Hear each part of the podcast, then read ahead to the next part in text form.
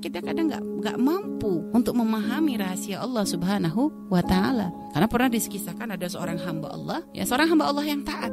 Tapi ketika dia berdoa tuh nggak dikabul-kabul oleh Allah.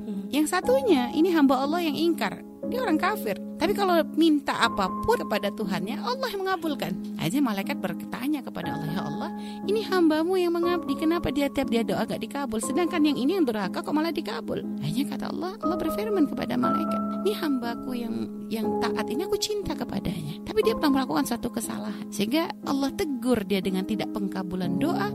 Kenapa? Karena akan Allah ingin habiskan urusan dia di dunia supaya nanti di akhirat Allah yang akan. Allah tinggal memberikan kenikmatan kepadanya. Adapun yang kafir ini, dia kafir, tapi dia pernah melakukan satu kebaikan dan dibalas Allah Allah selesaikan urusan dia di dunia dengan pengkabulan keinginannya, kenikmatan yang diberikan supaya apa? Di akhirat sudah tidak ada lagi ada harapan. Ada sudah tidak ada lagi kemanjaan yang akan diberikan oleh Allah karena semua sudah dibereskan di dunia supaya nanti di akhirat Allah akan menyiksanya. Jadi kita nggak paham dengan rahasia Allah.